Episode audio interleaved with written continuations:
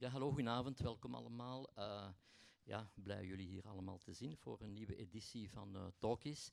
Uh, ik ben heel blij, vereerd, maar ook heel blij dat wij iemand hebben, een Gentenaar, maar die natuurlijk bekend is buiten Gent, zo hoop ik toch.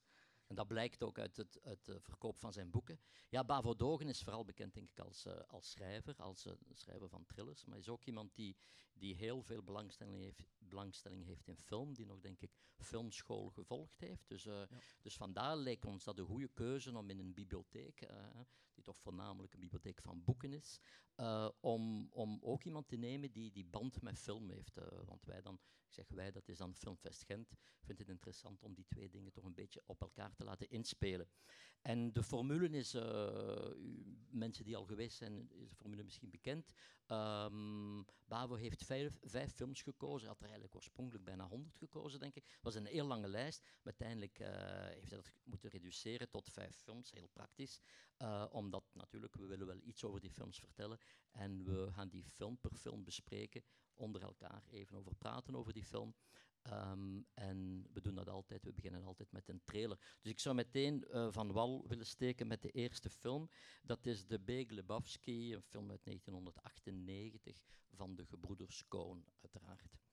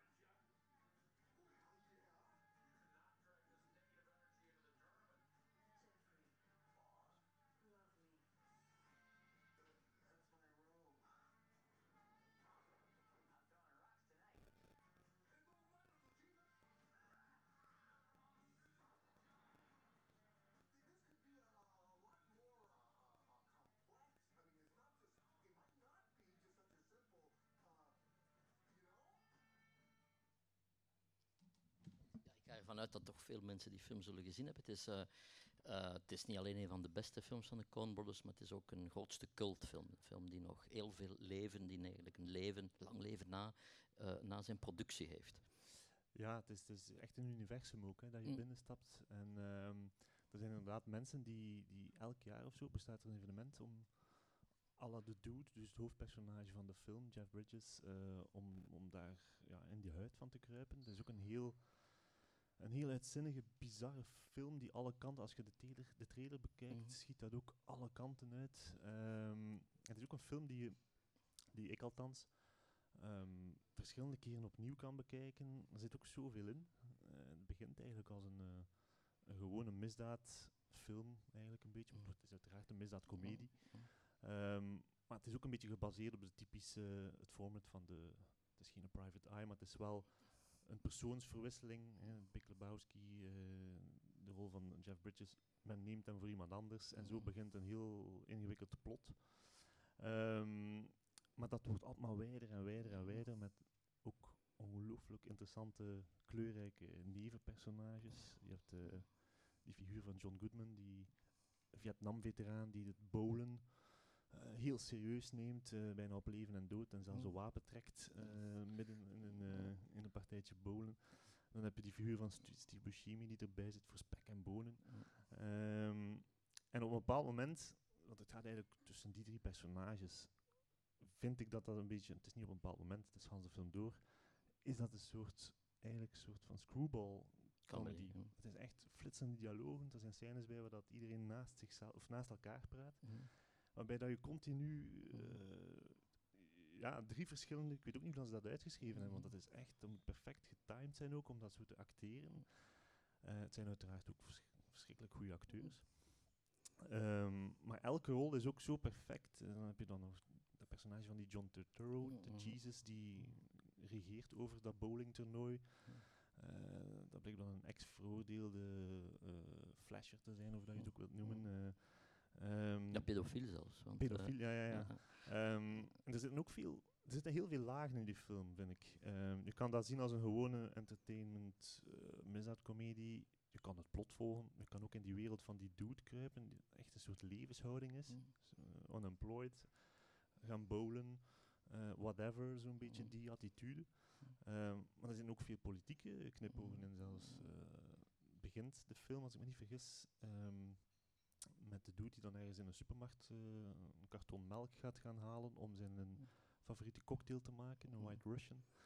Ehm, en hij schrijft dan een cheque uit. Maar je ziet dan ergens eh, op de achtergrond een tv'tje met de politieke con- ehm, context van, eh, van die tijd. Met, eh, als ik me niet vergis, Saddam Hussein ook en zo. Dus er zitten heel veel kleine dingetjes in. eh, waarbij hij zegt, ja, het is ook een politieke, enfin, een Amerikaanse eh, satire natuurlijk. Dus, dus al die elementen eh, als misdaadschrijver. Ja. ehm, ja, ik, ik heb zo'n tiental boeken geschreven, misdaadcomedies die zich afspelen in L.A. En ik moet zeggen, eh een van die invloeden, of deze film heeft, heeft een serieuze invloed gehad. Ja, dat was Eh, eigenlijk een vraag die ik was stellen. In hoever beïnvlo beïnvloeden dit soort films uw, uw werk als auteur? Wel, ik, ja, het is moeilijk om altijd te zeggen van waar de invloed komt. Het is meestal een verzameling natuurlijk, hè, Mhm. van andere dingen die je leest, boeken, maar ook films uiteraard. Ehm, want ik heb hier inderdaad een kast, ik ben afgestudeerd als filmregisseur, dus ik heb heel veel films bekeken. Maar die film, ik weet nog toen ik dat de eerste keer zag, die film, dan, ja, dat kwam echt binnen. Dat was eh, nog iets, dat tilt ook het, het overstijgt het genre. Dus je hebt de klassieke, ja, Who Done It, of, of de film noir, of de Private Eye en zo. Maar de echt goede misdaadcomedie, dat lijkt mij verschrikkelijk moeilijk om te maken. Ehm, met dan nog eens inhoud. Want het, gaat niet zijn, het is geen slapstick. Er Ja. zitten slapstick elementen in, maar er wordt gesproken over nihilisme, over filosofen. eh, ja, ik zeg het, schiet alle kanten uit. Het is bijna een levensbeschouwelijke film, in, in de zin van ook de manier dat ze zegt dat die personages leven. Je kan daar zijn mensen die dan misschien willen een voorbeeld willen aangeven, eh, eh, aannemen. Niet letterlijk, maar in de zin van dat het toch een soort, een soort eh, extreem voorbeeld is van de levenswandel dat mensen misschien toch wel ja, eh, kunnen nastreven. Die, die volkomen vrijheid van dat Ja. hoofdpersonage, doet wat dat hij wil.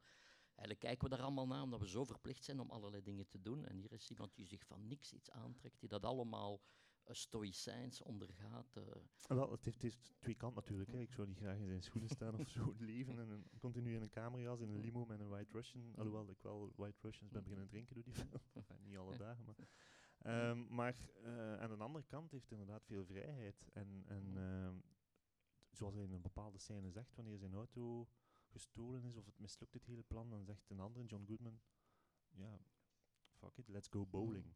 Dus dat is het antwoord op alles. Ik bedoel, zo van, Mhm. who cares? Het is natuurlijk een zeer, ja, extreme houding, waar ik me ook niet volledig achter sta.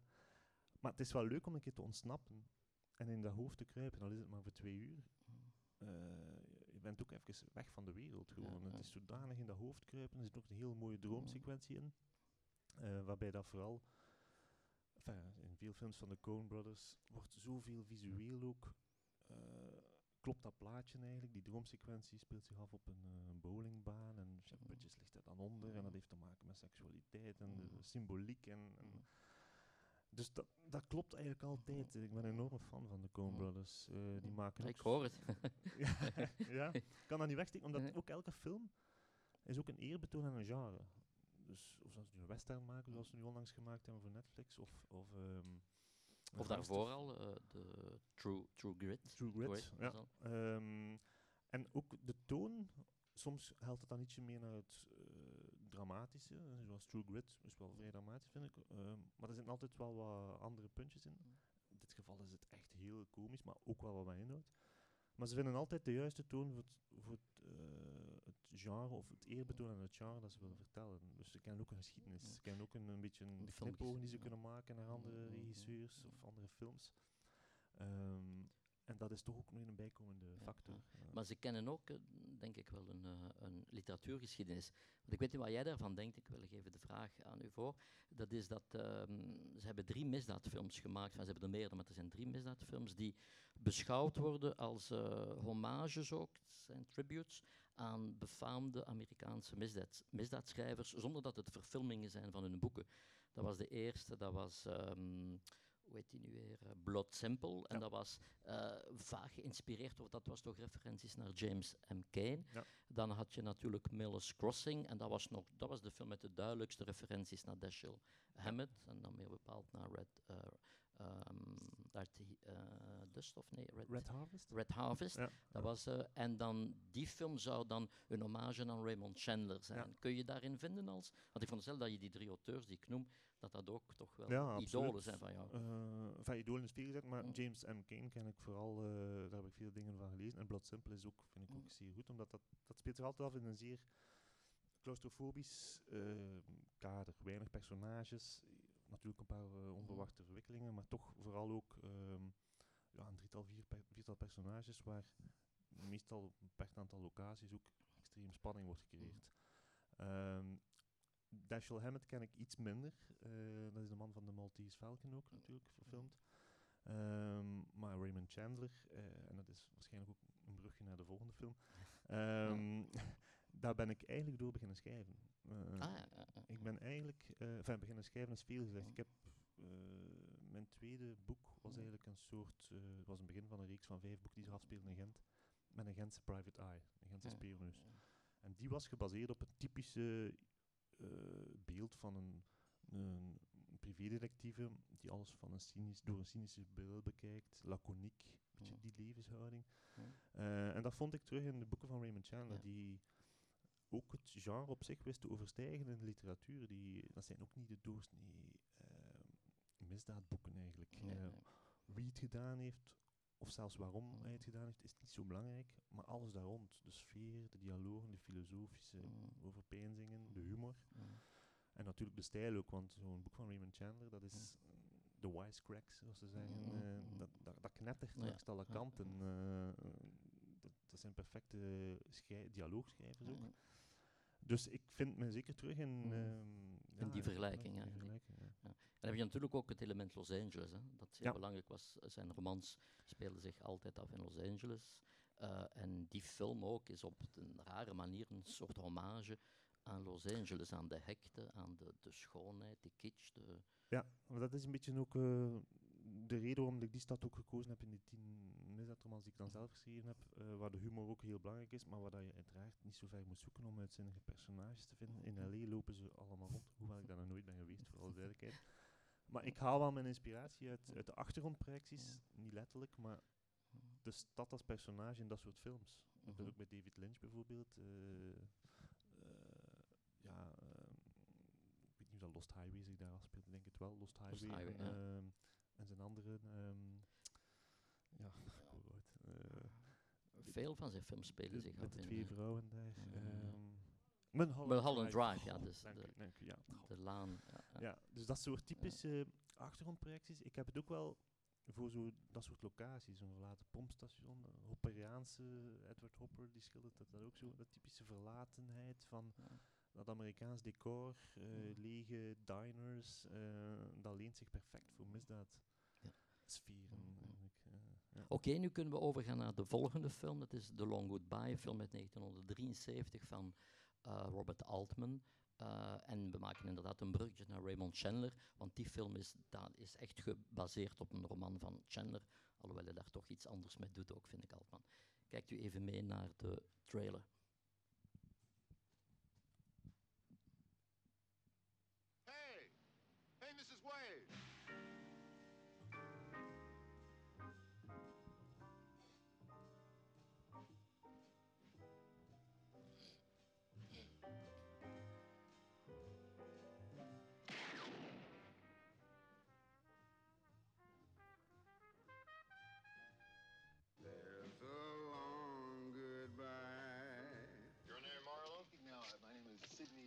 Jenkins. Come on, let's go inside, Here, Marlo. kid- We want to talk to you. Oh, is this where I'm supposed to say, what is all this about? And he says, uh, shut up, I asked the question. Yeah, yeah, that's right. And it happens every day. Right profile. Sit down. Sit down. What the hell are you doing? Yeah, that's right. I'm getting ready to sing Swanee. Swanee, how I love you, how you When some passerby invites your eye to come her way. There'll be a lot of people looking for me as a result of my lovely wife. If it was a murderer, he murdered his wife. That's a lie. I know he didn't kill her. He And I'll couldn't tell you kill something else. It's a minor crime. A minor crime, a misdemeanor to kill your wife. The major crime is he stole my money. Your friend stole my money, and the penalty for that is capital punishment. Even as she smiles a quick hello, you let her go. I like your face too. Could you find my husband for me, please, Mr. Mahler? You let the moment fly. I'm a man cannot stand confinement. Who the hell are you? Well, I'm this here private investigator who was sent here this afternoon to uh, find you. Did you come here to see me or my wife? It's none of his business. Write the check, Roger. What check? Write the check, Roger. Whoa. Late you turn your head. You know you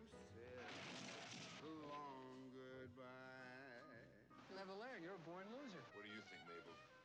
Ow! If you have any trouble, I'll back you up. I have fresh evidence now for you to reopen the Terry Lennox case. You ever think about suicide, Marlboro? Me? I don't believe in it. Don't you try to be nice to me now. I'm leaving and it's goodbye. I ain't running after you in the rain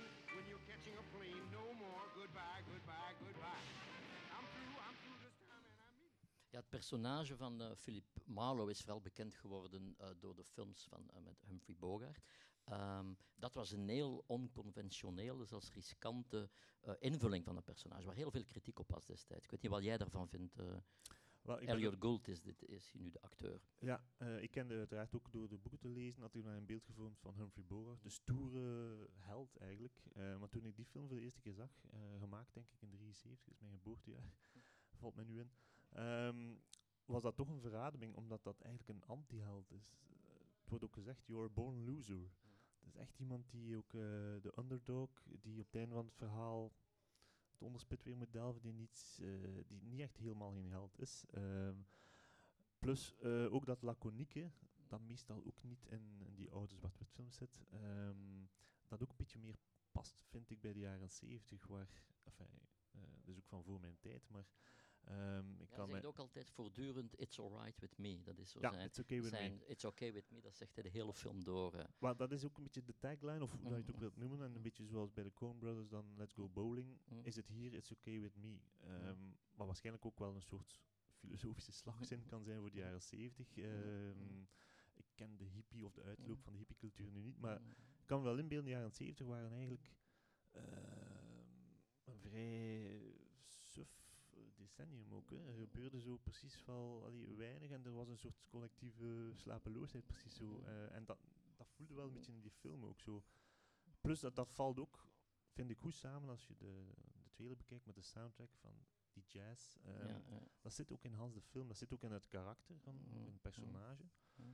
Dat is ook weer een levensvisie Mhm. die dan, eh, vind ik, Robert Altman, de regisseur, een beetje doortrekt in, in alles. Zowel in de montage als in het ritme van de film. Ik vind dat die film ook weer veel te herbekijken valt, Ja. net door Mhm. een, een ander ritme. Dat is meer een beetje freestyle, zo een beetje. eh, dat zit ook in de audioband, wat ook allee, heel kenmerkend is voor Altman, is dat hij soms verschillende audio-tracks offscreen, Mhm. eh, soms luider zet dan Mhm. onscreen, dus er wordt continu... Wat toen heel ongewoon was, hè? ook mensen door elkaar praten. heel veel not door elkaar, eh, dus heel veel dynamiek. Eigenlijk heel veel dynamiek, ook in, in, in, in, in dieptes. Zo, heel veel rijke beelden, eh, waardoor hij ook weer telkens opnieuw iets Mhm. ontdekt. Ehm, dus ik vond die figuur van, van eh, Elliot Gold eigenlijk heel ehm, verfrissend en, en eigenlijk ook een beetje, als ik er achteraf begon over te lezen, op zijn lijf geschreven. Ja. Want ehm, blijkbaar zat die man, ik ken hem voor de rest nu niet zo goed als acteur, eh, is ooit ex geweest van Barbara Streisand, geloof ik. En, Ja, dus hij heeft eh, wel het een en het ander meegemaakt, duidelijk. blijkbaar. Eh, en ja, nee, en hij was dan op een bepaald moment, eind jaren 60, begin jaren 70, had hij inderdaad een crisis, want hij had dan ook meegespeeld in een film van Bergman. Eh, en dan was hij totaal even weg. En dit was eigenlijk zijn comeback Mm. film. Ja, ja. Ehm, hij heeft daarna ook niet veel meer gedaan, maar toch, dit is zo echt de juiste man voor de juiste juiste rol. En, ehm, dus dat vond ik heel interessant. Plus ook ehm, afstand nemen van het verhaal, want het boek ehm, is ook weer wel... het plot staat er uiteraard van. Raymond Chandler. Maar wat Robert Altman dan op het einde doet, en niet alleen in het einde, hij verlegt eigenlijk de focus op heel veel personages die belangrijker zijn in de film en in het boek. Dan waarbij intrigue. het plot is eigenlijk een beetje bijkomstig. Het is ook zodanig ingewikkeld dat je het niet meer kan volgen. Maar vooral het einde eh, werd, eh, werd hem eigenlijk niet zo in dank afgenomen, zoals je zelf zei. Omdat, niet door Raymond Chandler zelf, want de man was al ehm, gestorven, denk ik. Maar door fans van, van het werk van Raymond Chandler, omdat het boek helemaal anders eindigt. Mhm. Hier, ehm, enfin, ik weet niet of ik het mag, mag er een spoiler komen? Of, Mhm. eh, of hier, ehm, het verhaal is eigenlijk heel simpel. Hè. Hij wordt verraden door zijn, zijn beste vriend. Eh, hij neemt het de hele film door op voor zijn vriend, vandaar ook de titel The Long Goodbye. Dus het gaat ook over een beetje afscheid nemen Mhm. eh, van eigenlijk een zeer integer personage, de hoofdpersonage, dat dan uiteindelijk bedot wordt. En hij merkt dan op het einde dat zijn vriend hem verraden heeft, dat hij uiteindelijk niet echt dood is, maar om allerlei redenen zijn dood eh geanceneerd heeft. En op het einde schiet hij dan zijn, zijn vriend eigenlijk dood, omdat hij dan toch al dood is in zijn hoofd, bij wijze van spreken. Dus dat is natuurlijk not done in een boek eh, waar de held of de anti-held dan zelf de moordenaar wordt. Dus dat was ook een beetje op zijn Ja. kop zetten, een heel gedurfd, Mm. gedurfde zet van Altman. Maar ik, ik vind dat wel... ja, Ik heb het ook voor Altman, omdat hij ook heel veel gedurfde keuzes eh, durft te maken. En een boek hoeft niet altijd Mm. letterlijk verfilmd te worden. Dat, integendeel, het is basismateriaal en dat, het is toch een totaal ander, ander mediumfilm, dus je moet daar toch een beetje eh, vrijer mee kunnen omspringen. Eh, wat zou een letterlijke verfilming zijn? Meestal... En Wat zou dat zin hebben ook als het. Ja, ze worden vandaag de dag wel nog meer gemaakt, de letterlijke verfilmingen. Maar ik vind ook in een genrefilm kan je daar inderdaad meer focus verleggen naar, niet naar het plot, maar naar personages of naar nevenpersonages, zoals die figuur van eh, Sterling Hayden, dat is de, Mhm. de, de schrijver, een beetje geïnspireerd op Hemingway. Hemingway, Ehm, en ook op, ehm, ik dacht Chandler zelf een beetje, maar vooral Hemingway, die dan uiteindelijk ook zelfmoord pleegt. Eh, dus het gaat ook wel weer over andere zaken, over, over heel diepe zaken. Mhm. Dus ik- ja, ik was ook, ik ben eigenlijk nog altijd volledig in, in de. Dat zijn zo'n soort films, dit, deze film, maar ook de andere films, en eigenlijk vooral ook de Big Lebowski, die je gelijk wanneer kan opzetten. En Mm. dat is een trip eigenlijk. Er is hier één aspect van de film dat we eigenlijk op die, eh, door die kwaliteit van die trailer geen idee hebben. Dat is hoe, hoe, hoe prachtig die film is gefotografeerd door uh, Vilmos Sigmund. En jij sprak van, die, eh, van dat personage, die zo'n beetje, je zou een beetje kunnen zeggen dat hij als slaapwandelend door de film loopt. En ik denk dat Altman daar een soort equivalent heeft voor gevonden, eh, samen met zijn cameraman dat de film, we zijn ons daar niet altijd van bewust, maar er is geen enkel shot waarin de camera niet beweegt. Mm. Dus de camera beweegt voortdurend, maar het zijn niet camerabewegingen waar je bewust van bent, is zo'n bijna sluipend altijd. Heel traag inzoomen, heel traag uitzoomen, heel traag bewegen. Ja. En door dat zo'n hele film vol te houden, krijg je ook een totaal andere eh, visuele ervaring als je dat bekijkt. Ja, ik, ik weet nu niet, ik heb wel veel films van Altman gezien. Ik denk dat hij dat inderdaad is een beetje zijn trademark Ja, geworden. dan. ja. Ehm, maar inderdaad, dat, dat creëert voor een heel ehm, meeslepend ritme Mm. ook. Ehm, maar aan de andere kant heb je zo'n hele grote achtervolging ook, Mhm. waar hij dan, eh, Philip Marlowe, achter die, zat even in de trailer, achter die wagen loopt, op die soundtrack. Dat is ook perfect van, van, van ritme. Ehm, en dat wil ik eigenlijk ook nog toelichten, eh, het begin van die film vond ik ook schitterend. Eh, het is ook helemaal niet zoals het begin van het boek, want in het begin van het boek, als ik me goed herinner, begint het echt met een, een plotgedreven Mhm. scène. Maar hier heb je echt een introductie van een personage, ik denk dat 10 minuten duurt. En eh, je ziet eh, een ka- de kat van Philip Marlowe die honger heeft. En Philip Marlowe eh, geeft die kat eten, maar het blijkt niet het juiste voedsel te zijn. Die Mhm. kat is een bepaald merk gewoon. Dus wat doet hij, de, de softe loser? Mhm. Hij gaat midden in de nacht dan naar een, Mhm. eh, wat is dat, zo'n superketen die altijd open is. Hij gaat daar op zoek naar, naar dat merk, maar dat merk hebben ze niet. Dus hij koopt dan een ander merk, kat waarschijnlijk ook niet gaat lusten, maar wat doet hij dan? Hij sluit die kat even op en hij gaat in de, in de, in de keuken het foute merk van eten toch overzetten naar een oud potje, een leeg potje van dat merk. Om, hij sluift zich uit om die kat toch Te maar bedriegen. te bedriegen. En die kat snuffelt dan en uiteindelijk heeft die kat het door uiteraard. En die kat ontsnapt dan en loopt Mhm. weg. En dat is ook een heel mooi beginpunt, want helemaal aan het eind van de film, wanneer hij zijn vriend doodschiet, zegt die vriend, ehm you're a born loser. En dan zegt Philip Marlowe, yeah, I even lost my cat. Die, die kat is ook symbool voor natuurlijk eh, een vriendschap die verloren gaat. Maar ik vond dat heel mooi hoe dat, dat personage zo werd getypeerd in zijn goedheid, maar ook een beetje naïviteit en, en al de rest, dat dat afweek van het scenario, of van het boek. Mm. Er was nog één puntje, en dan gaan we over naar de volgende, dat ik nog even wil aanstippen. Ook omdat ik toch hoop dat de mensen in het publiek, eh, als ze die film niet gezien hebben, eh, de DVD huren of zo om hem te zien, want het is echt een ongelooflijke film.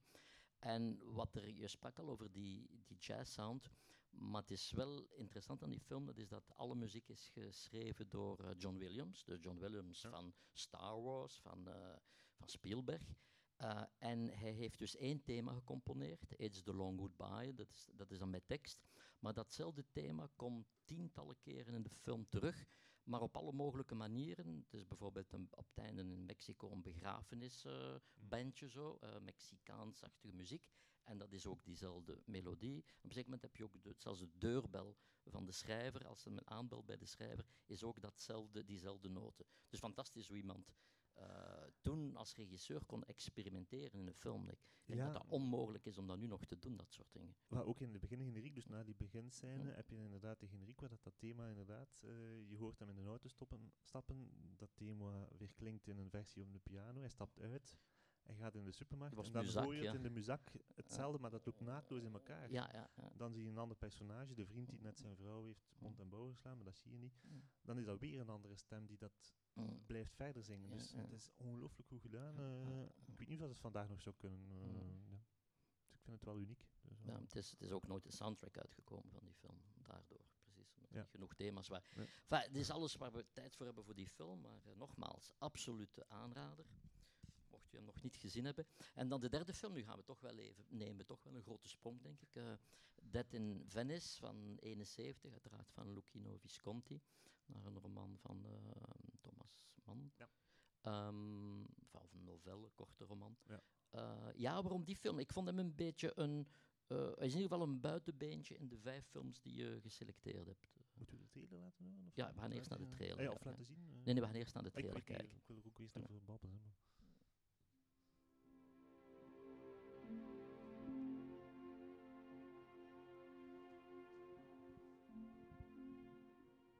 Great artists of the 20th century.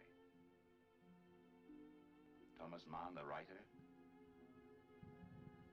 Lucchino Visconti, the filmmaker. Two artists combined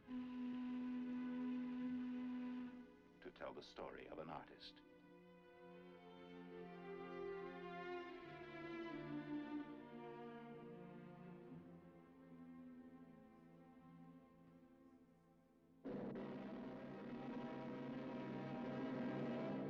Dirk Bogarde is Aschenbach, the artist at the climax of his career, composer, conductor, maker of great music, suddenly alone. We once had one of those in my father's house. The aperture through which the sound runs is so tiny that at first it seems as if the level in the upper glass never changes. To our eyes, it appears that the sand runs out only at the end. And until it does, it's not worth thinking about uh, till the last moment. When there's no more time. Aschenbach, the artist at the crisis of his life.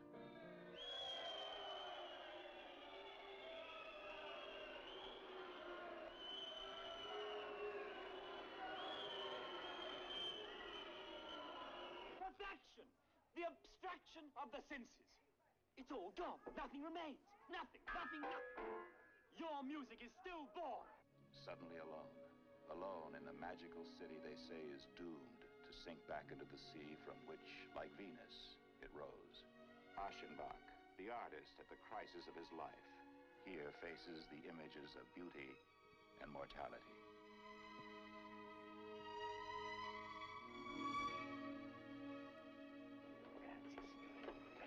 Why are disinfecting Venice?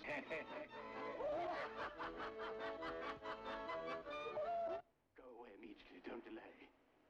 Please, I beg you. Take Tatsill and your daughters. I implore you. Please.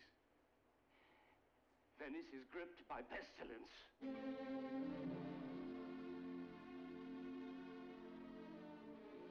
Appreciation of this major addition to those few films which join the canon of great art has been expressed by select audiences and critics in England and throughout the continent with the repeated use of one word masterpiece.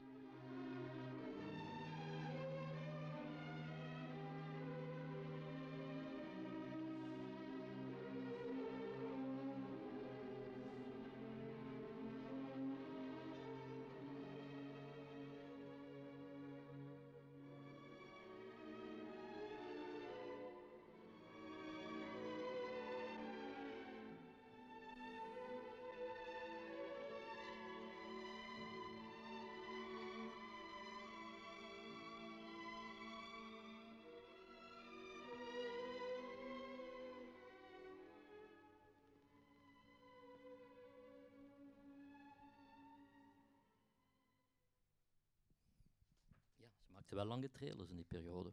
Ja, bijna de hele, het hele kunnen verhaal wordt verteld, hè, in feite. Ja, waarom die film, Bavo?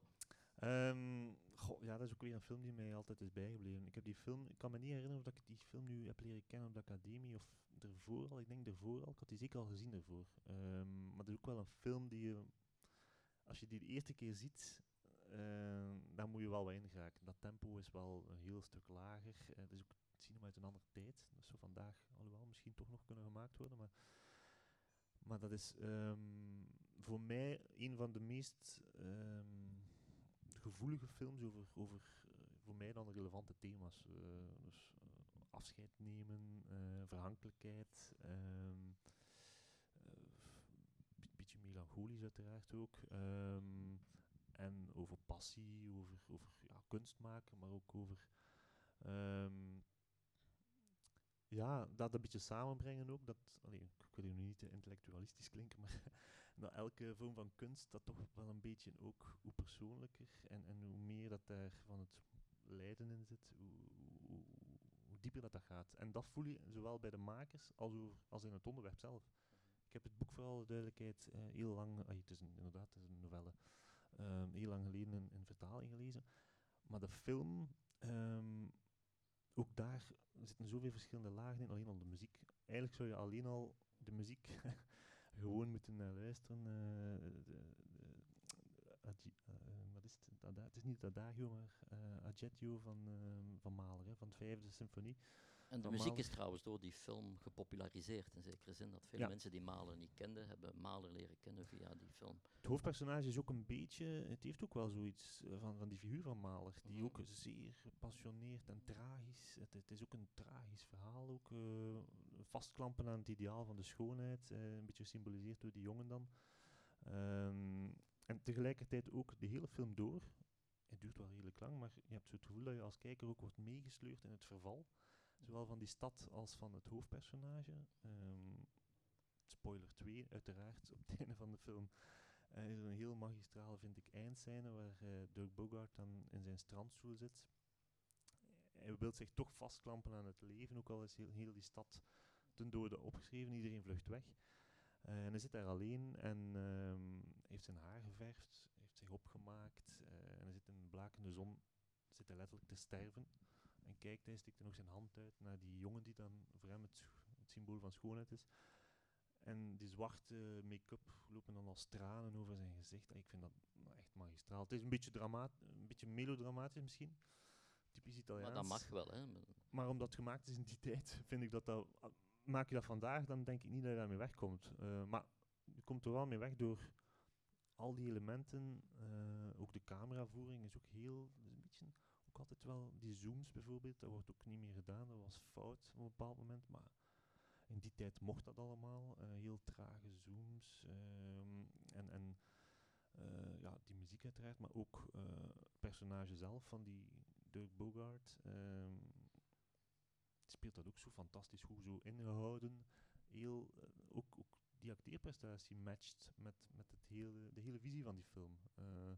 dus als het plaatje klopt, en dat geldt voor elke film die ik die kan appreciëren, dan ja, dan heeft mij dat meegenomen. En, en in dit geval, um, moet zeggen, dat is nu geen film die ik elk jaar opnieuw bekijk. Ik denk dat ik in totaal misschien, maar toch wel al acht, negen keer, film, negen keer gezien heb.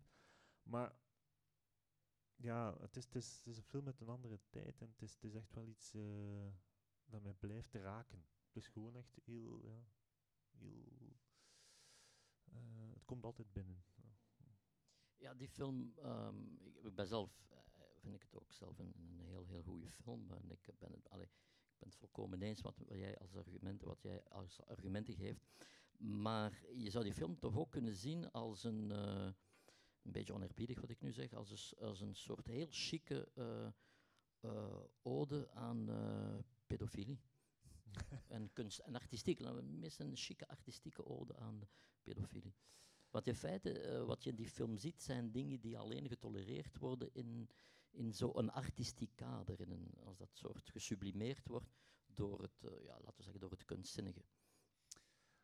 Ja, ik weet nu niet of dat dat... Um, het is nu wel heel toevallig dat je daarover begint, want mm. ik was net ook... Uh, ik had even iets anders gezien over Na Nabokov en Lolita en zo. Mm. Dat is... Dat, het is niet hetzelfde, maar... Dat is het thema, Eigenlijk wel een beetje hetzelfde, maar het thema, toen ik over Nabokov dan aan het lezen was of aan het kijken was, dan dacht ik, oké, okay, dat is het thema. Maar hier vind ik het eigenlijk niet het hoofdthema. Ik heb eigenlijk nooit... Misschien in het begin wel, als je dan voor de eerste keer die film ziet, dat je ziet van, oké, okay, uh, uh, er is een fascinatie voor die hoofdpersoon ten aanzien van die jongen, van die jongen eigenlijk, uh, die oud is, 16, 17 jaar. Maar eigenlijk is dat voor mij, ik heb daar eigenlijk bijna nooit iets, maar misschien ligt dat aan mij, nooit iets seksueels of zo in gezien. Dat, voor mij ging dat meer, dat is de, het ideaalbeeld van de jonge schoonheid. Mm. Iedereen wordt dan, eh, van een bepaalde leeftijd start het verval. Mm. mm. Ja. En, en zo zag ik het. Maar uiteraard, ik, ik snap dat Maar het is dan wel, als ik zeg, gesublimeerd. Hè. Het is niet meteen dat, dat, dat, je denkt dat die man met, met die jongen naar bed wil gaan, dat niet. Maar dat hij die schoonheid zo... Inderdaad, het is eigenlijk meer de schoonheid die hem het aanspreekt. Is het is over schoonheid en verval. Dat is het... Uh, het uh, zo interpreteer ik het. -hmm. Maar ik kan me wel inbeelden dat er inderdaad... Die film is uit, uit 71, dat er in de loop van de jaren wel heel veel uh, discussies en ook mensen zijn die dat anders zien en waarschijnlijk ook wel...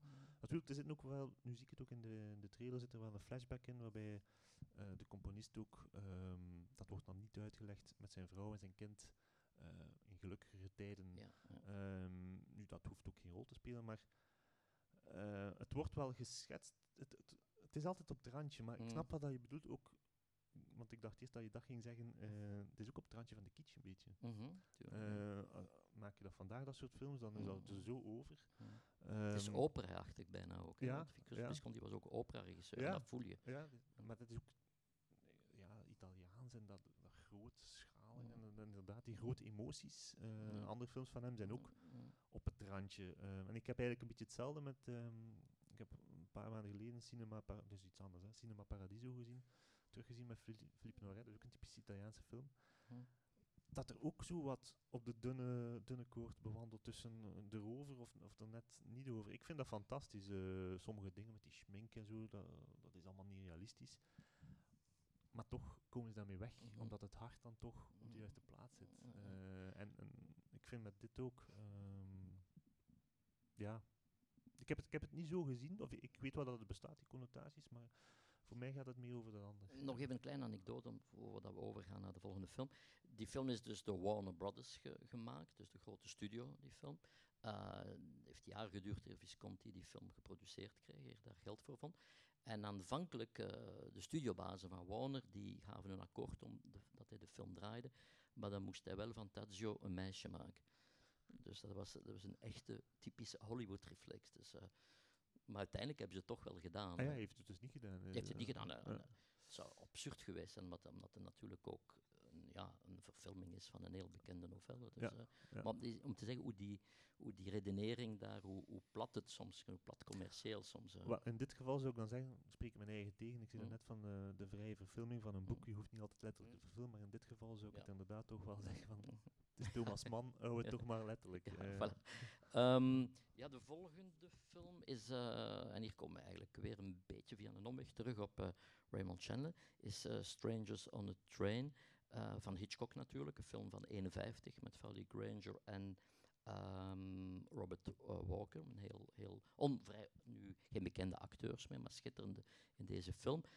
Ja, het is wel evident waarom je van die film houdt, maar leg toch even uit wat je, waarom precies die films van Hitchcock. Want Hitchcock heeft zoveel goede, spannende films gemaakt dat je waarschijnlijk uit een vijftiental had kunnen kiezen. Ja, ik moet zeggen, maar dat geldt een beetje voor al die films. Dat dit zijn natuurlijk vijf films, maar Mhm. ik had er geen honderd doorgestuurd, maar het waren er toch wel redelijk veel. En voor Hitchcock ook. Eh, Hitchcock is ook iemand die ik regelmatig eh, herbekijk. ehm, en die heeft inderdaad zoveel, misschien zelfs ook nog een paar betere films dan Strangers on a Train gemaakt. Rear Window, Vertigo, ik, al die klassieke Psycho. en ik kan er eigenlijk nou ja, tien op noemen. Maar ik heb die film gekozen omdat ik die onlangs pas een keer herbekeken heb. Ehm, en eh, ik had die al een, één of twee keer gezien. En het is pas bij het herbekijken dat er mij dingen opvielen. Dat ik dacht van, nou, dit is toch wel echt grote cinema. Eerst even naar de Ja. trailer kijken. Want het is mijn schuld om even naar de trailer te kijken en dan... I beg your pardon. Aren't you Guy Haynes? My name is Bruno. Bruno Anthony. Want to hear one of my ideas for a perfect murder? Two fellows meet accidentally. No connection between them at all. Never saw each other before. Each one has somebody that he'd like to get rid of. So, they swap murders. Crisscross. I may be old-fashioned, but I thought murder was against the law. You think my theory's okay, Guy? Uh, you like it? Sure, Bruno, sure. Now, everything didn't go smoothly. She doesn't want the divorce. But you sound so savage, Guy. Sure, I sound savage. I feel savage. I'd like to break her neck. Now, who did you say this is? Bruno, Guy. Bruno Anthony. Don't you remember? On the train.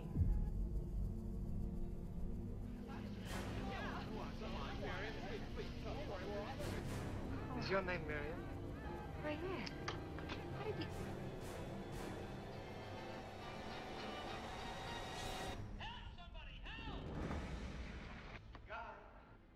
Are you trying to tell me? Why, you maniac! But Guy, you wanted it. There seems to be no way of diplomatically breaking tragic news.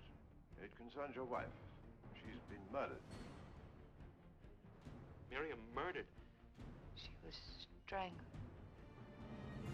You're just as much in it as I am. We planned it on the train. Crisscross. How did you get him to do it? He's a maniac. I met him on the train going to Medcalf, and now a lunatic wants me to kill his father. Bruno, I've decided to do what you want. Still think it'd be wonderful to have a man love you so much and kill for you. Well, then am I correct, Mr. Haynes, in assuming that you have no intention of going ahead with our arrangement? None whatsoever. I don't like to be double-crossed. I have a murder on my conscience. But it's not my murder, Mr. Haynes. It's yours. I'm not going to shoot you, Mr. Haynes. I'll think of something better than that. Much better. Better keep on your toes. Something funny's going on. Guy Haynes is taking chances I've never seen him take. Excuse me, madam. I need your help. We're chasing a man. Haynes, hold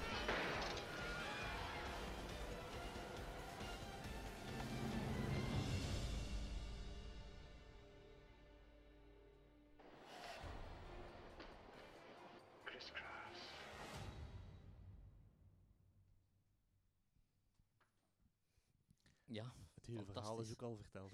ja, en het is duidelijk ook een nieuwe trailer, hè, want er staat andere muziek op en het is ook gemonteerd op een veel, uh, ja, veel meer vlottere manier. Dan dat, uh, nu, er zijn bepaalde elementen, of een paar elementen die we wel aanspreken. Het is Mhm. gebaseerd op een boek van uh, Patricia Highsmith. -hmm. um, het scenario is geschreven, of medegeschreven door Raymond Chandler. Um, maar wat dat ik vooral... Ja, het uitgangspunt is natuurlijk, vond ik, nog altijd. Twee mannen ontmoeten elkaar op een trein en uh, een van hen... Of ze zitten al twee met een probleem. En ze besluiten elkaars problemen uit de weg te ruimen. Um, het begint als een soort van pff, laconieke afspraak, een grap. Maar de ene gaat er wel mee door. En de ander zit dan met de gebakken peer, omdat hij het ook moet doen. Uh, het is fantastisch gegeven voor een thriller eigenlijk. Het is een ongelooflijk goed gegeven. Mm. Het is een van de... Naar mijn gevoel heb je zo'n paar, ik denk op één hand te tellen, een paar echte goede vondsten, gebaseerd op boeken, uh, waarmee dat je echt originele films gemaakt zijn, die nu niet meer kunnen... Uh, Kiss Before Dying is bijvoorbeeld een ander. Mm. Het is nu geen goede film. Maar uh, het boek van uh, Ira Levin, geloof ik, is, ja. heeft ook zo'n heel, een heel ongelooflijk originele twist. Dit is een origineel uitgangspunt. Um, dus dat op zich vind ik al straf. Maar ook de manier, uiteraard, is Hitchcock, waar hij, waarop hij visueel uh, dat in beeld brengt. En dat vind ik een perfect voorbeeld van, je hebt basismateriaal, een boek, je kan dat wel voorstellen. Maar als je die film ziet, is dat toch een van de weinige voorbeelden waar de film minstens even goed is als het boek. Um, er wordt zoveel gedaan met beelden. Um, er zijn een paar heel bekende shots die in de trailer zitten, uiteraard. Uh, de man die dan in het publiek van de tenniswedstrijd als enige rechtdoor kijkt, terwijl in een tennismatch iedereen dan zo zit te kijken. Dat, dat is een beeld dat, niet vergeten. dat je niet vergeet. Um, een bepaald moment als hij dan in de portiek staat en hij zegt van ik heb het gedaan. Op dat moment, dat zie je niet in de trailer, uh, trekt hij de anderen mee en staan ze eigenlijk alle twee achter een portiek achter de tralies, maar ook letterlijk een symboliek van ja, ze zitten al twee gevangen. Uh, ze gaan alleen. Ze, dus dat zit vol met zo van die kleine visuele vondsten, die bril die dan uiteraard valt. Uh, op dat moment, die, die film is gemaakt in de jaren 50, denk ik. Uh, ja, allee, dat zijn shots die pff, Brian De Palma bijvoorbeeld ook wel Mm, ja, zo gemaakt. Ja, dus dat is toen ik de film zag, een paar, ik zeg het, een paar weken of een paar maanden geleden, dan dacht ik van, dat is toch wel heel vernieuwend geweest voor die tijd, denk ik. Als je dat bekijkt in de jaren 50, niet alleen van shots, maar ook van, uh, er zit een eindscène op een carousel, uh, die ook heel, ja, uiteraard wordt uitgeroken, zoals uh, de suspense het voorschrijft, maar um, adembenemend eigenlijk. Um, dus, um, en uiteraard het spel tussen de twee hoofdpersonages, wat het belangrijkste is, is ook zo genuanceerd en subtiel gebracht. Uh, dat je compleet meegaat zelfs op een bepaald moment in de denkwereld van, uh, van die, de ene die het dan met zijn goede bedoelingen ja. toch heeft gedaan. Um, die mij trouwens soms een beetje doet denken aan Bill Murray. Uh, heeft zo'n beetje die fysiek. Maar ja, daar zitten zoveel elementen in die, die het voor mij toch iets... Elke Hitchcock vind ik wel heel origineel. Hij, baseert zich ook meestal op niet altijd, maar toch wel altijd ook op een soort Vertigo was ook gebaseerd op een uh, boek, dacht ik, of op een verhaal. Ja. Um, dus het is een beetje zoals, uh, een beetje zoals, ja, de laatste film dan, ik ga er nog niet over zeggen.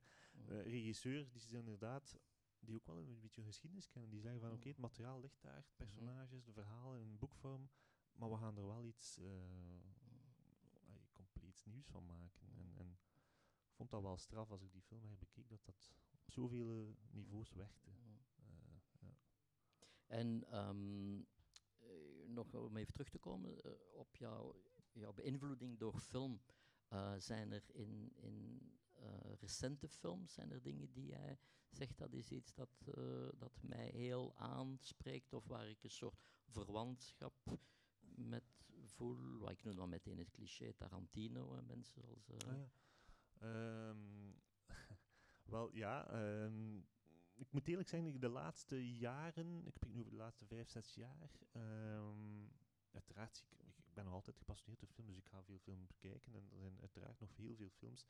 Maar ik ben wel een beetje, uh, dat, ook een beetje bij het schrijven, de laatste twee, jaar, een beetje aan het afstappen van het misdaadgenre, omdat dat ook natuurlijk een genre is, uh, zoals elke vorm van literatuur. En uh, het iets meer persoonlijke verhaal trekt mij nu iets meer aan. Maar Tarantino bijvoorbeeld, ik heb ja, ik heb een zoon van 17 eh, die, die ongelooflijk fan is van Tarantino. Dus, eh, ehm, en dat zijn ook, ook iemand die, we hebben het net gehad, in de, de, erover ook, dat je zei van inderdaad, Tarantino is ook iemand die zijn geschiedenis kent. Dus, en dat vind ik wel belangrijk, dat je kan knipogen of dingen kan ehm, baseren op, of eerbetoon aan, aan films uit de geschiedenis ehm, en daarop voortborduren.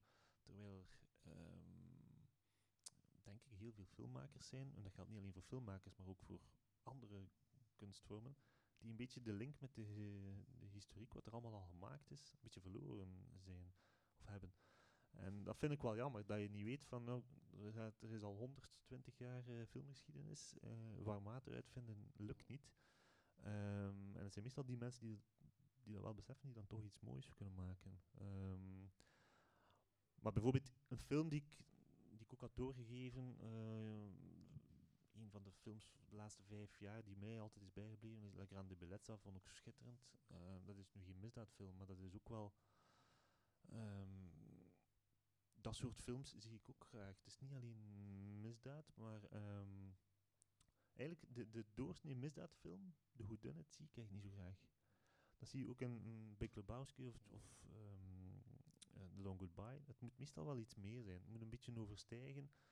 En ook in boekvorm is dat zo. Als het niet um, een bepaalde invulling krijgt en als het droogweg een, een verhaaltje is, dan ja, zo zijn in een dozijn, denk ik dan. Dus als Agatha Christie bijvoorbeeld. Oh, nee, zie je dat- dat dat iemand ben- die alleen plot schrijft en die voor de rest nog literair, nog... eh, Dat kan ik. allee, ik heb dat wel gelezen omdat ik 16 jaar was en er is ook niks mis mee, hè, uiteraard. Nee. Maar ja, één lezen en eh, je leest er. Ja, je ze allemaal allemaal gelezen, denk ik. Ehm, dus, en, en daar ontbreekt het ook een beetje aan een persoonlijke stijl, Mhm. zowel het schrijven, eh, een personage dat blijft eh, Mhm. hangen, eh, een soort filosofie ook, eh, die door de, tussen de regels doorschemert. Eh, dat vind ik allemaal veel belangrijker dan het verhaaltje aframmelen. Eh, dat kan eigenlijk, bestaan er heel veel interessante boeken om zo'n verhaal in elkaar te, steken. Tegenwoordig kan iedereen eigenlijk een misdaadroman schrijven. Je hebt vijf verdachten, zes verdachten. Je hebt recepten eigenlijk, Ja, het is eh. een beetje zoals een kookboek. Ja, ja. Denk ik.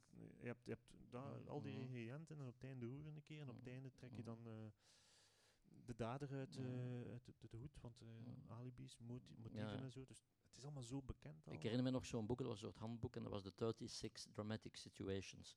Te zeggen dat alles wat in de ervaring van de mensheid, kun je tot 36 dramatische eh, Ah, ja. situaties herleiden. Dat is een beetje, hè, dat... Ja. eh, Wel, eh, Raymond Chandler bijvoorbeeld, een andere quote van hem die me nu te binnen schiet is, ik denk dat het van hem is, eh, als je een probleem hebt met schrijven, when you're in trouble, eh, just eh, laat een man binnenvallen met een pistool. Ja, en dan is komt het wel goed. Eh. Dus dat zijn plotpoints, zoals ze zeggen, bepaalde punten die het verhaal eh, in gang zetten. Of, of maar dat is allemaal ook zo eh, een beetje zoals een filmscenario geconcipieerd. Ik heb heel lang, 15 jaar lang, als ik genre literatuur schreef of schrijf, misdaadromans, heb ik eigenlijk altijd een beetje via dat systeem gewerkt. Zoals een scenario. Dus met drie acts en dan zodanig dat ik daar eigenlijk al een beetje van af was. En dat ik dan eigenlijk probeerde van al schrijvend daar iets aan toe te voegen aan het verhaal. Dus eh, ja, dialogen of, of eh, gedachten of, of interessante personages. Maar het plot als dat er was, tijdens het schrijven is dat niet zo boeiend om dat, om dat uit te schrijven. Het is eigenlijk ook zeer eh, mechanisch. Dus het, het freewheelende aspect van schrijven, het amuseren tijdens het schrijven is eigenlijk in de genre-literatuur spitst zich meer toe op, op al die andere factoren. Dus ik heb dan altijd wel, eh, voordat ik begon te schrijven, een schemaatje klaar gehad van, van tien pagina's, een korte inhoud, eh, zoals een scenario ook. Hè. Eh, Ik denk dat dat voor film net hetzelfde is. Hè, voor film.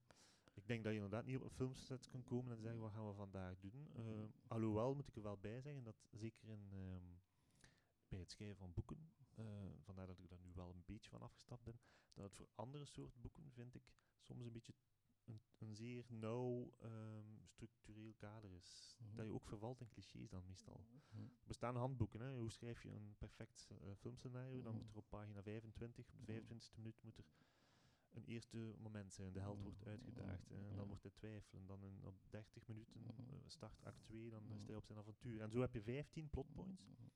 Eh, dat, dat is ook gebaseerd op de, de Griekse tragedieën in de tijd. Die werken voor elke film, elk boek. Maar je moet dat natuurlijk eerste regels leren kennen om ze te kunnen breken, om er dan uit te breken. Eh, Oké, de vijfde film. We gaan even kijken naar de trailer. Eh Dr. Strangelove, uiteraard van Stanley Kubrick, film uit 1964.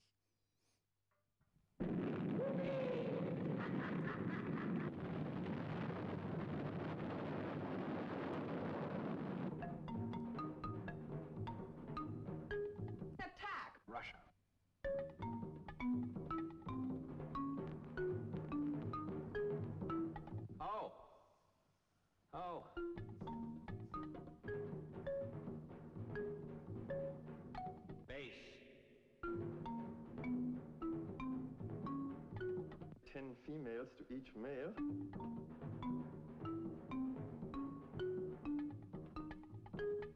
Coca-Cola machine.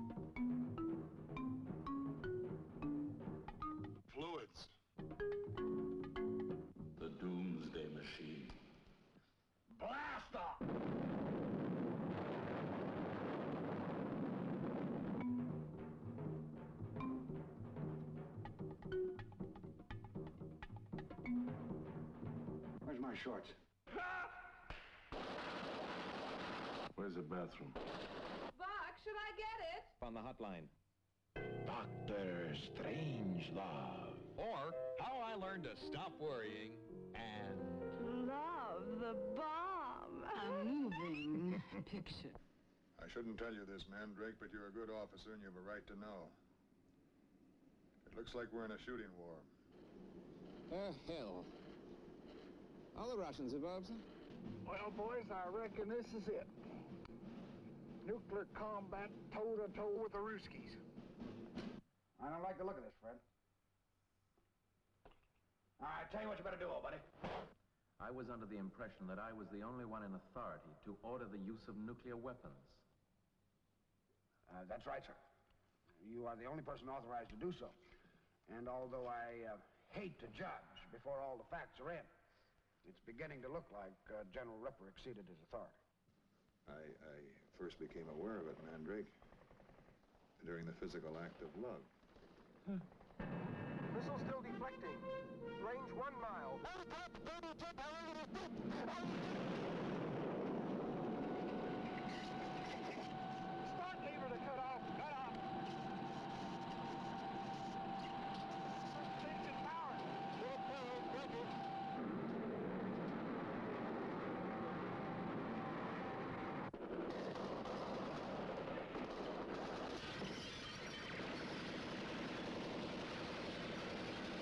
Has that plane really got a chance of getting through?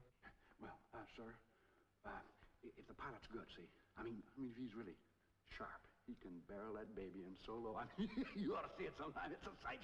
A big plane like a 52. Vroom! It's jet exhaust frying chickens in the barnyard. Doctor Strangelove. or how I learned to stop worrying and Love the bomb. A moving picture.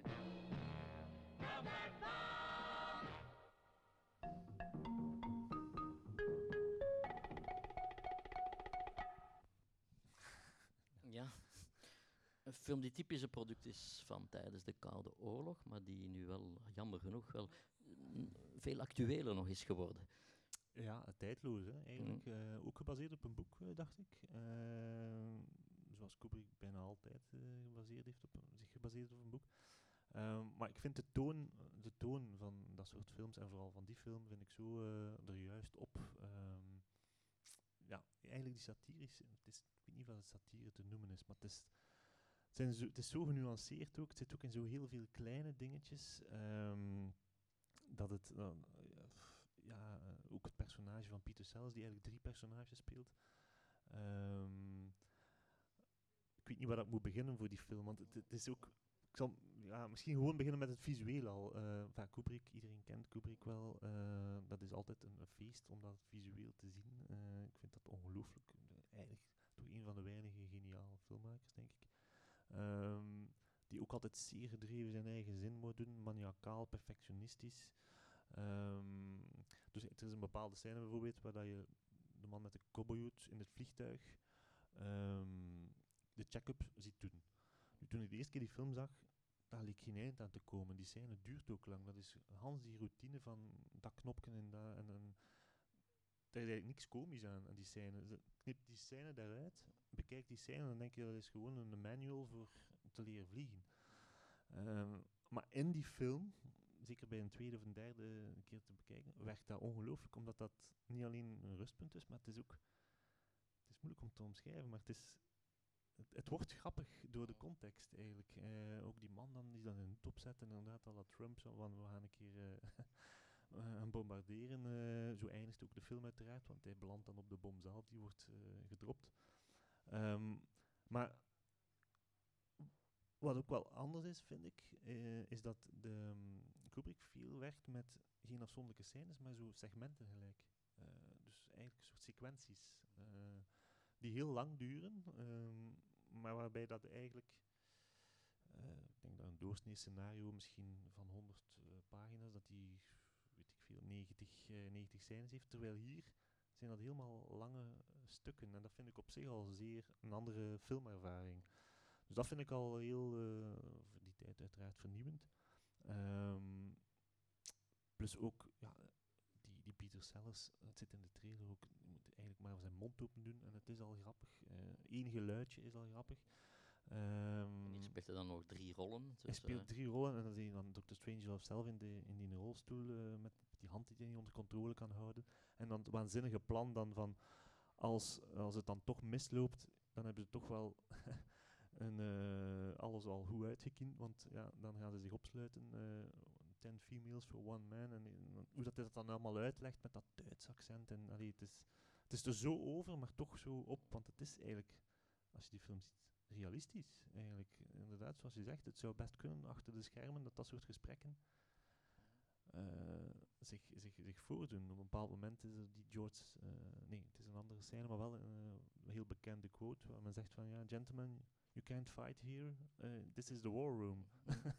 dus de absurditeit. Ja. absurditeit van... Maar in die zin, als je zegt, misschien is Kubrick meer geïnspireerd bij bijvoorbeeld absurd theater dan eigenlijk een satire, want het leunt daar ook. Ja. Die zeer zwartgallige levensvisie, die je ook, het is ook de tijd ook van de stukken van Beckett en zo, die, en ik vind dat er zeker verwantschap is in het, in het soort nihilisme en waarmee men de samenleving bekijkt. Ja, ja en, en dus inderdaad, wat hij zegt van Beckett en, en Pinter was iets later, maar, Mhm. maar de communicatie, of de non-communicatie die Mhm. dan ontstaat, ook in die, de o- want het is niet de Oval Office, maar wel in die de War Room. Mhm.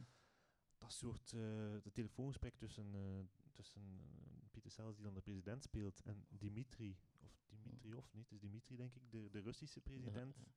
Dat is bijna binnenskamers, maar zo absurd inderdaad, dat het gaat over eerst koetjes en kalfjes en dan van ja, oei, maar ja, we hebben iemand die daar inderdaad eh, op de verkeerde knop heeft geduwd, of eh, zijn eigen eh, eh, zichzelf ziet als, een, als, een, als de heerser. Allee, dat, dat is inderdaad vrij absurd. Ehm, en het past ook in binnen, binnen heel dat eh, decor. Er zitten ook absurde scènes in, bijvoorbeeld die, die George eh, C. Scott, de, de raadgever, die dan uiteindelijk eh, staat te bellen. Ja, dat is dan met een zonnebank en het is dan een vrouw in bikini. Dat zijn zo scènes dat je zegt van, ah, dat is toch niet realistisch? En toch waarschijnlijk wel, want de realiteit is misschien nog erger. Eh, zeker in die middens. In de politiek, denk ik, eh, kan er van alles gebeuren. Dus ik vind dat een, een zeer tot de verbeelding sprekende film. Eh, dus ook weer in verschillende, op verschillende lagen. Ook, ook het serieus, eigenlijk is het, zoals die scène in, in, in, dat vliegmachine, op een serieuze manier toch gaan lachen. Het is iets heel raars, vind ik. Dat- snap je wat ik wil zeggen? Het is, het is, het is eigenlijk niet de kaart trekken van eh, verschillende soorten humor door elkaar, maar het is zo'n echt eigen, eigenzinnige toon eh, die ik wel kan appreciëren. Eh, Die Kubrick ook uniek maakt. Hè? een beetje ingehouden en een beetje, ehm, hoe zeg je dat? Ja, low profile. Zo'n Low beetje. key, Low low key, key, low mhm. key, ja. ja. Oké, ehm, wat nog even zien, want we- op het einde van zo'n eh Q&A we altijd de kans aan het publiek om eh, vragen te stellen. Ehm, doet u maar, zijn er, is er iemand? Voilà, Eh, je hebt wel iemand.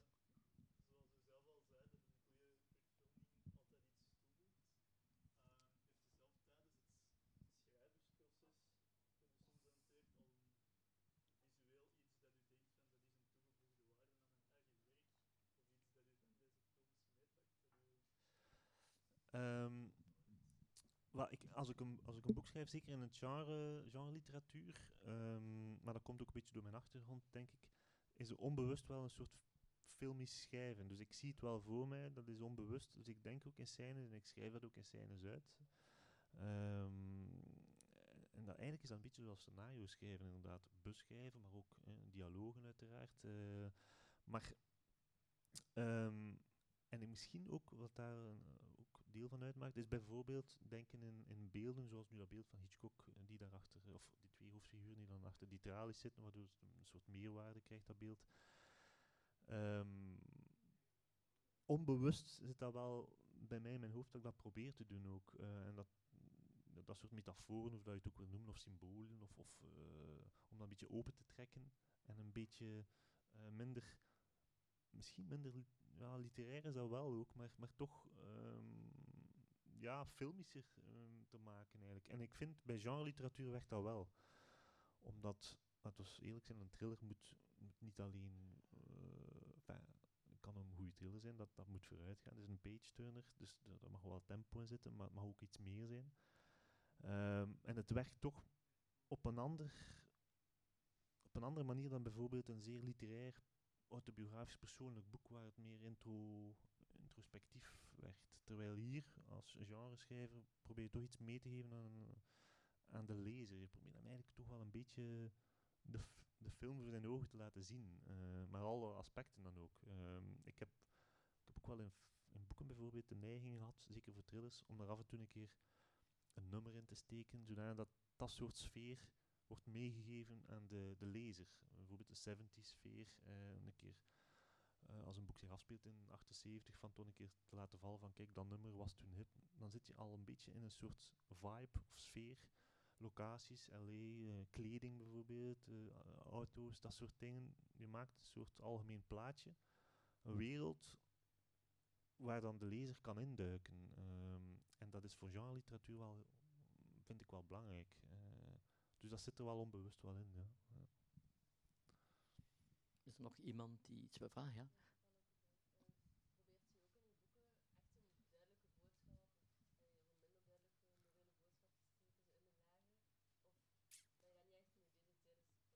Ehm, ja, ik moet eerlijk zeggen, bij, bij het schrijven van, eh, nogmaals, van, van misdaadboeken of van genre-literatuur, eh, ben ik daar eigenlijk minder mee bezig. Eh, ik denk ook niet dat dat eh, een goede zaak is om, om veel boodschappen te willen verkondigen of een standpunt in te nemen. Eh,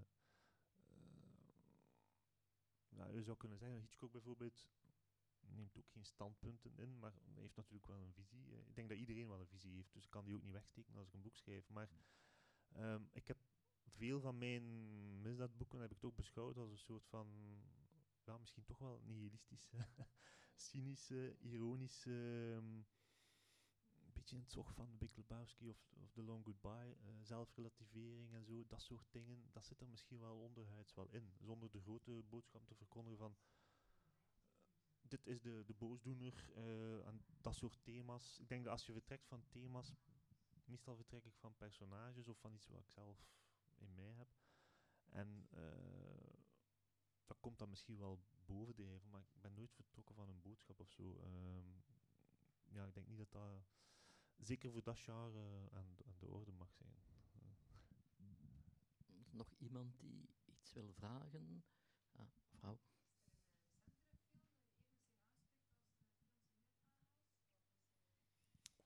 Ehm, ja, ehm, maar ik zou een keer moeten nadenken. Eh, goh, er zijn zoveel films. eh, maar enfin, La Grande Bellezza, dat is ook alweer een tijdje geleden, denk ik. Ehm, ik moet nu denken aan, als ik denk aan recente films, dan denk ik aan ehm, de maker van eh, Whiplash bijvoorbeeld. Ehm, niet aan La La Land of aan ehm, First Man, die ik ook, ook wel goed vond. Maar Whiplash bijvoorbeeld, zijn debuutfilm, dacht ik. Eh, Zijn debuutfilm, ja. dat was de film die je net voor... eh, maar ja, dat is ook alweer niet recent, dat is ook alweer Hmm. tien jaar geleden, denk ik. Maar dat gaat over iemand die ook maniacaal bezig is om zijn doel te bereiken, drummer worden. En, en, en daar klopt het ook allemaal perfect. Hmm. Perfecte soundtrack, perfecte acteerprestaties. Een kleine film eigenlijk, zeg, heel klein. Eh, maar ik hou wel van zo een beetje onafhankelijke kleine films. En dat heeft altijd te maken, zo heb ik ook mijn boeken soms geschreven, met weinig personages, weinig grootse scènes. Alhoewel dat je in een boek heel veel vrijheid hebt om zo wijd mogelijk te gaan. Maar dat komt een beetje, denk ik, vanuit mijn filmopleiding. Dat ik altijd dacht van, het moet kleinschalig, het kan kleinschalig. Eh, en zoals Orson Welles ooit heeft gezegd, maar ik kan het niet perfect eh, citeren, eh, dat je toch door de beperkingen iets groots, niet iets groots, maar dat je veel vrijheid hebt door de beperkingen ook. Eh, dus als je films maakt in Vlaanderen mag het ook al niet te veel geld kosten, zeker een kortfilm of zo. En dat zit er altijd zo'n beetje in bij het schrijven van die... Budget, in toog houden. Ja, het budget in toog terwijl er eigenlijk geen budget in toog te houden is. Want ik zou kunnen zeggen, ik ga hier eh, 500 pagina's... eh, maar toch, als je kijkt en eh, achteraf bekeken, zijn dat altijd heel, eh, niet claustrofobische, maar toch wel ehm, ja, kleinschalige projecten geweest. Dus ik hou dat ook nog altijd een beetje in het achterhoofd als ik films zie. Ik ben geen fan van de, de, blockbusters, de blockbusters met de grote actiescènes. En de, als ik hoor dat een film 10 miljoen dollar heeft gekost, dan is het voor mij al een beetje om zeep. Eh, het zijn altijd uitzonderingen natuurlijk. Hè. Maar 10 miljoen dollar is, is, is niks meer voor een, voor een Amerikaans film. Is het ja. waar? ja, het is meestal rond de 100. Ah ja, maar ja, ik kan dat dus, moeilijk eh, inschatten. dus, eh, het is een, goedkoop, het is een B-film ja, met 10 miljoen dollar. Dus dan toch nog voor mij dan. ja. Uw scenario's zouden in Hollywood zouden films van 10 miljoen dollar op. Ik toch een keer gaan luisteren. Nog iemand?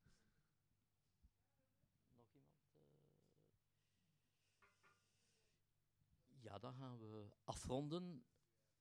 Dank u wel. Eh, Bavo, het was een waar genoegen. En dames en heren, dank u voor uw aandacht. En zoals u weet zijn die vijf films hier in de bibliotheek te, te huur. En ik denk na wat Bavo daar allemaal over verteld heeft, dat u toch wel zeer benieuwd bent om die films te zien of opnieuw te zien, mocht u ze ooit al eens gezien hebben. Dank u wel. Dank en we wel. zijn er, dank u wel Bavo. En we zijn er te- terug, niet in, in april, maar in de 9e mei zijn we weer terug. Dat is dan onze laatste editie eh, van dit seizoen eh, van de Talkies. En eh, we zijn nog aan het, de, laatste, de gast die we hebben, zijn we nog, moeten we nog een paar juiste afspraken kunnen maken. Maar we gaan ervoor zorgen dat we, dat we zal die gemakkelijk zijn, een even boeiende gast hier hebben als Bavo. Dank u wel.